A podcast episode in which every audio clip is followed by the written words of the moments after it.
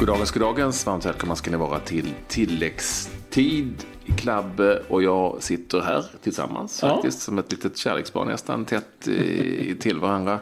Lite Brokeback Mountain feelings. och vi konstaterar att vi i Stockholm på Friends Arena har en Champions League-final som låter åtminstone väldigt, väldigt, väldigt bra. Nämligen mellan Manchester United och Ajax. Så det blir lite så här så att man backar tillbaka tiden lite grann. Och det är två stora klassiska klubbar som möts i, i finalen. Och eh, det är klart att det var oerhört eh, bittert för John Guidetti och, och Celta som verkligen krigade på i slutet. Detsamma ska vi säga med Lyon. Jag kan ta resultaten som blev ikväll då. Det är Lyon-Ajax 3-1. Och Manchester United Celta 1-1. Det innebär att United vidare med 2-1 totalt och eh, Ajax vidare 5-4 totalt. Så att det blev väldigt eh, nervöst i båda matcherna till slut. Ja, herregud. Det var eh, fruktansvärt tajt och väldigt spännande och bra semifinal. Och blev det till slut åtminstone. Vi kan ju vårt Manchester United, har vi en känsla av. Vi pratade med Jesper Blomqvist, alltså första semin. Det som, det som jag tycker är kanske mest spännande då inför den här eh, finalen. eh, Det är ju ändå detta nya unga eh, Ajax som är i sin första stora final på, jag vet inte hur många år det är. Ja, det är sedan 24 år. 95. Ja, det, det är en hel del år. Det är ett tag sedan. Eh, Och, och eh, alla pratar såklart som vanligt om den så kallade Ajax-modellen som i allra högsta grad lever kvar. Och med oss har vi ju faktiskt en före detta Ajax-spelare, nämligen Tobias Sana. Va- Varmt välkommen ska det vara till tilläggstid. Tack så mycket, tack så mycket. Tack. Du eh, Tobias, du, alltså, eh, du följde matchen eh, noga. Hur kan du berätta hur, hur den var om vi börjar där? Nej, men det är så som de matcherna har varit. Eh, när Ajax har spelat nu, åttondelen och alla de här. De, de har nästan kört över alla lag på hemmaplan. Eh, som vanligt haft ett bra utgångsläge. Eh, gjort det bra alltid. Men sen när de kommit på bortaplan så har de oftast tappat. Och det var typ en sån match idag där, där de tog ledningen med 1-0. Eh, det var ganska säkert då. Men sen eh, släpper in eh, två mål på stopptid. Och sen släpper in ett och sen får de rött kort med, vad är det tror jag, åtta minuter kvar. Och det blir det där typiska. Istället för att ha dödat matchen redan tidigare ehm, så blir det den klassiska nerven i, i det. Och det är så det har sett ut det här året. Men de har, de har ändå visat styrka och klarat det. Och de spelade ändå sista tio med Hakim Ziyech som är en tia. Han spelade vänsterback och man får bara ge det laget ett extremt, extremt positivt...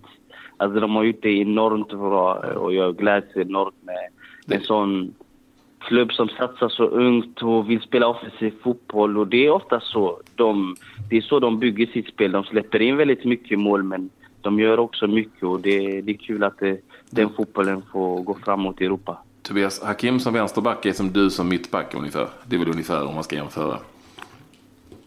Ja, fast han är lite bättre defensivt. Men ja, det, det kan man lugnt säga. Hur många spelare i det här Ajax-laget eh, har du spelat med? Och jag... eh, Det är... Alltså just i truppen är det nästan kanske en 12-13 spelare. Men i startelvan så var det... Eh, så var det fy, fyra stycken.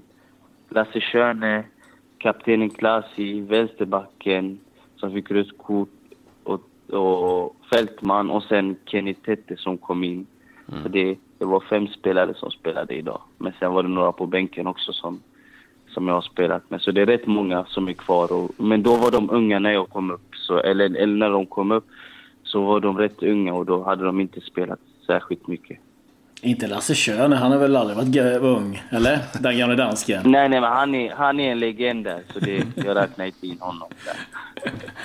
Eh, men du, alltså, vad, vad, du som har varit och jobbat liksom med, med Bergkamp är där. Eh, du har Overmars som är kvar i klubben. Vad, vad gör Ajax speciellt tycker du?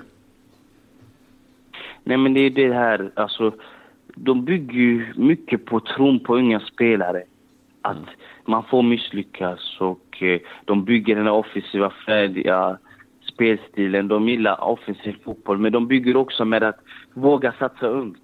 Det får misslyckas, alltså man får misslyckas. Alltså, de har ju misslyckats många gånger i kuppen ute i Europa, men de har ändå... Alltså nu står de ändå i en final nu med kanske... Alltså de har extremt många unga spelare i truppen nu. Det, kanske, det här kanske är det yngsta laget någonsin.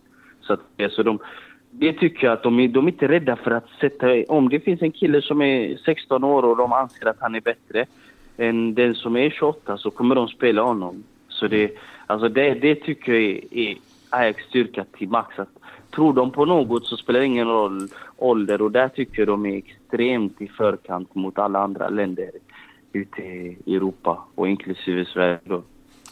Det talas ju eh, som alltid om Ajax-modellen och eh, de av oss här i det här programmet som har varit med längre än någon andra kanske.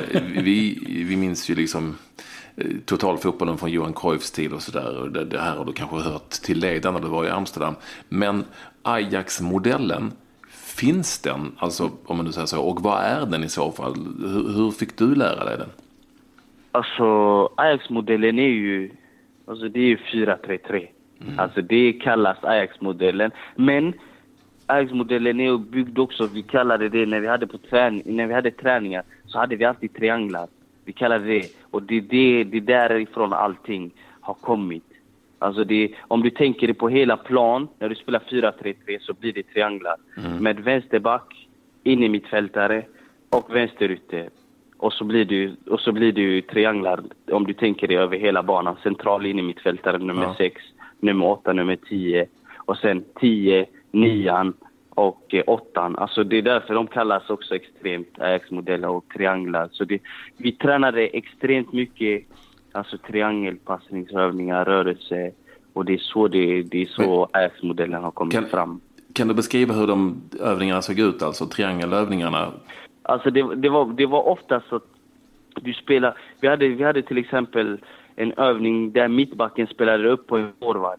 Och så, du får aldrig spela den bollen tillbaks i samma linje som bollen kommer ifrån. Det ska alltid vara motsatt. Mm. Så det blir alltid att du spelar, det, du spelar ifrån den triangeln som du har spelat upp på. Så det blir nästa triangel. Då, vi säger om du, om du spelar på vänsterkanten, spelar in på eh, bortre forward, då spelar man in den till den närmsta, eh, närmsta innermittfältaren och sen ut på den kanten där bollen kom ifrån. Så alltså det var, vi körde mycket sånt, väldigt mycket sånt alltså i träning. Mycket så att man inte, och sen alltså upp en touch.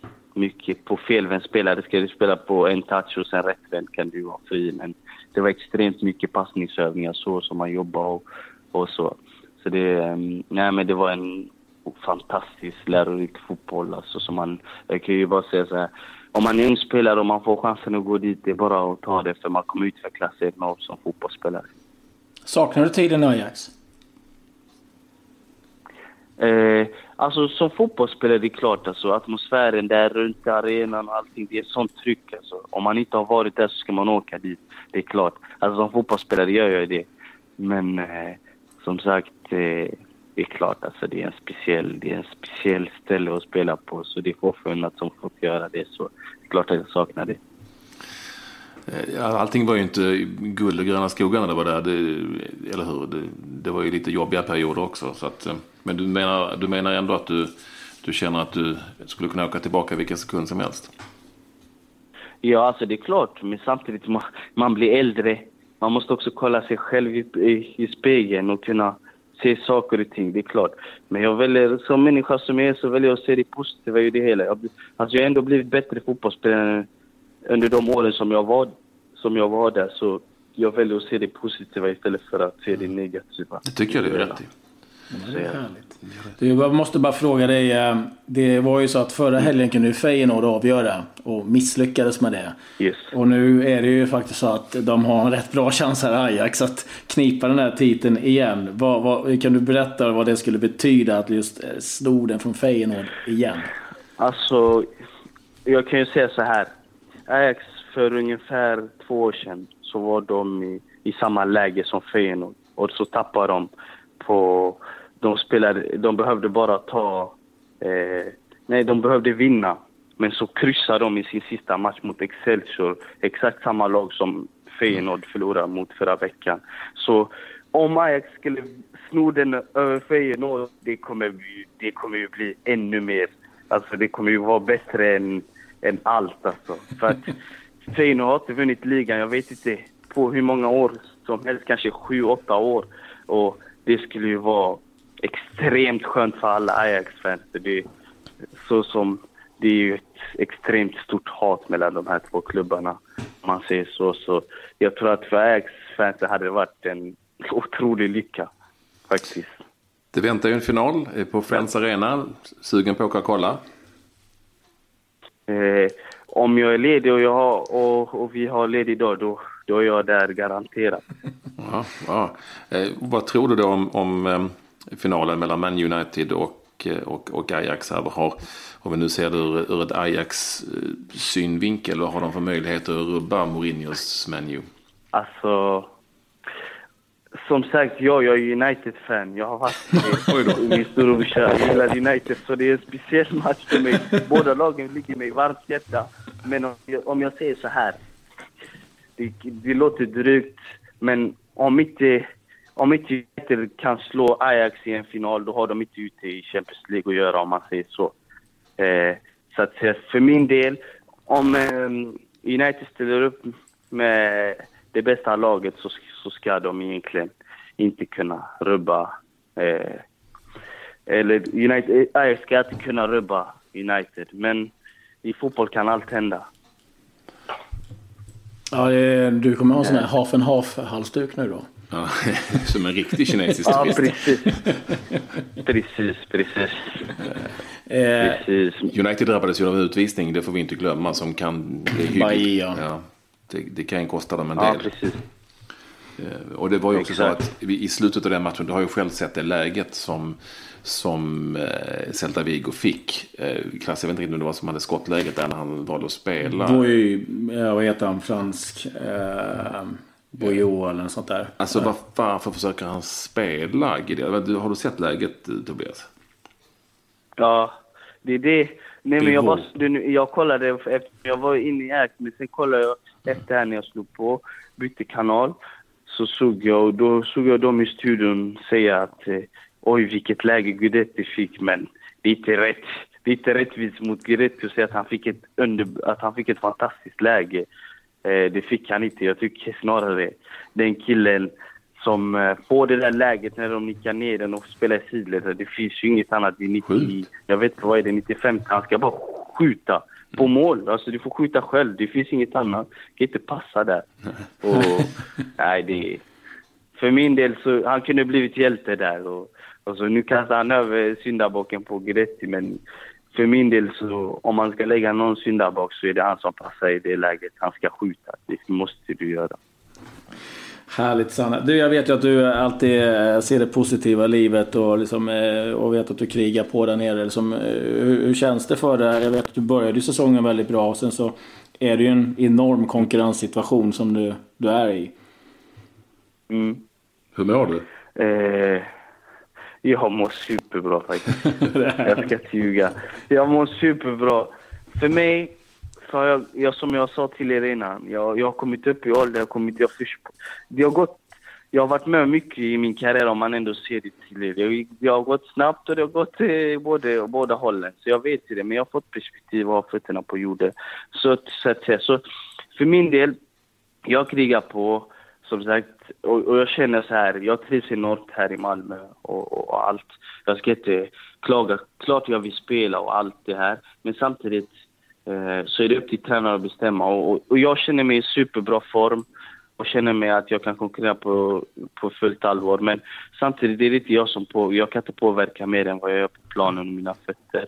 Så om tränaren väljer något annat och vi har vunnit, så jag kan inte klandra honom. Så enkelt är det. Jag kan inte, jag kan inte klandra honom. Vi har, vad har vi, fem segrar och två lika. Så eh, det är bara att acceptera. När väl chansen kommer, då, då får jag ta den. Och då, då ska jag vara bofast igen. Du Sanna, du måste hjälpa mig här. Vi hamnar i diskussion med Pavel Sibitski eh, och Patrik och han. Och de säger att kebaben är helt mm. överlägsen i Malmö. Liksom, eh, vad, vad säger de? jämförelse med Jönköping. Nej, det, det är ju klart att den är helt överlägsen på Så bra är den väl inte va? I Malmö jämfört med Jönköping? Eller vad, vad, vad menar ja, du? eller vad, de säger att den är bäst i hela Sverige. Ja, världen. Nej, jag vet inte. Då de får åka till Angered istället och käka kebaben där den är klass i Göteborg. Så, ja, ja. Jag vet inte. Alla säger det, men om, både vi får åka till eh, Angered och käka kebab där istället så får du jämföra alltså, också. Det, det där är världsklass. Jag kan göra det, men i Jönköping kan Nej, man Nej, den är fantastisk. Kan man, kan man ja, Sanna, när du är kommer. Det så? oj, oj, oj. Jag har aldrig men du hör ju jag själv. Nej, du, Sanna, du hör ju själv. Den, den är magisk. Den, jag lovar, den, den vinner allt. Är det så? Ja, ja, ja. Helt ja. överlägsen. Mm, det, det, vilket, vilket Ossiewicki intygade att så var inte fallet. eh, tack så jättemycket eh, Tobias för att du ville vara med oss. Eh, spring inte för mycket på Lilla torget. Ta nu när värmen kommer utan håll dig i skinnet. Eh, och så, och så eh, får vi se om vi ses på Friends då. Då får du ringa någon av dina polare där. Eh, och eh, ja, det... lösa biljetter helt enkelt. Lasse Schöne fixar det. Mm. Ja, det, det där löser sig. Det är inga problem. ha det bra. Du, underbart. Stort tack Tobias. Ha det bra nu. Härligt. Detsamma. Ha det gott. Hej. Hej. Hej. Resultat som vi bryr oss om. Tilläggstid eh, fortsätter att att eh, rapportera om vad då? Jo, ett resultat i Superettan, ett Göteborgsderby mellan Gais och Örgryte. Det var inte, eh, ja det var säkert fest, men eh, resultatet var ju... Nej, det var ingen målfest. det blev 0-0 och det var lite irriterat med en del varningar och rött kort som var väldigt omdiskuterat hos Örgryte. De har tagit på sig ett par röda kort här nu och Tittar man på tabellen efter resultatet så är det ju inget lag som är särskilt nöjda. Örgryte på tionde plats, Gais nia. Så att eh, de, de kämpar i motvind de här gamla klassiska lagen i Kör ÖIS Marcus Lantz-stuket? Ja, ja, han blev utvisad på läktaren. Oh, no kidding. Eh, vi ska också säga att igår hade vi med oss Stefan Schwarz. Det var ju fantastiskt kul. Och eh, då utlovade vi också eh, en utlottning av hans, han ska själv signera böckerna. Det har han inte gjort så det kommer ta en liten tid in av böckerna. Men vi har plockat ut fem stycken eh, vinnare här på Twitter efter att ha retweetat eh, tilläggstid. Så att ni vet och ni kan ni fortfarande kan ni fortsätta att göra så kanske ni vinner andra pris helt enkelt. Vilka är de fem vinnarna då Claes? Så när du har läst dem så ska jag förklara hur ni gör för att eh, få era böcker. Mm, det är eh, Daniel Fredriksson och eh, Twitteradress Danne Free. Det är Alexander Myran att Myran. Det är Marcus Kind, att eh, Marcus Kind. Lisa Sund, Sund-Lisa. Och Mia Olsson, Olsson eh, understreck. Mia. Och eh, stort grattis först och främst till er. Ja, det säger vi definitivt. Ni får signera Stefan Schwarz bok och ni skickar in era adressuppgifter till eh, mejladressen info at difficult difficult.se. Difficult som engelska för svår. Uh, info at difficult.se och vi kollar såklart upp vilka ni är så det går inte att fejka nu. Alltså att, så, att, så, så glöm inte att göra det. Så hör vi på Eh, Eh, tilläggstid imorgon igen är det dags helt enkelt. Vi fick två fantastiska semifinaler i Europa League. Vi får en härlig final som vi ser fram emot på Friends Arena. Eh, och eh, mycket annat innan det är dags för att ta oss an den finalen. Tack för att ni ville vara med och Så säger vi, vadå? Fingret uppe. Ja, vi måste ju verkligen puffa lite för helgens program också. Vi kan utlova lite Just extra det, godis på den. Just det, just det. Det här är ju sista programmet innan helgen. Mm. Missa inte helgens eh, tilläggstid, tilläggstid helg. Som handlar om att, eh, vi ska inte säga för mycket, men det handlar om... Eh, att vara kompis med rätt person. I laget. Det handlar om en jättenyhet, eller ja, en nyhet mm.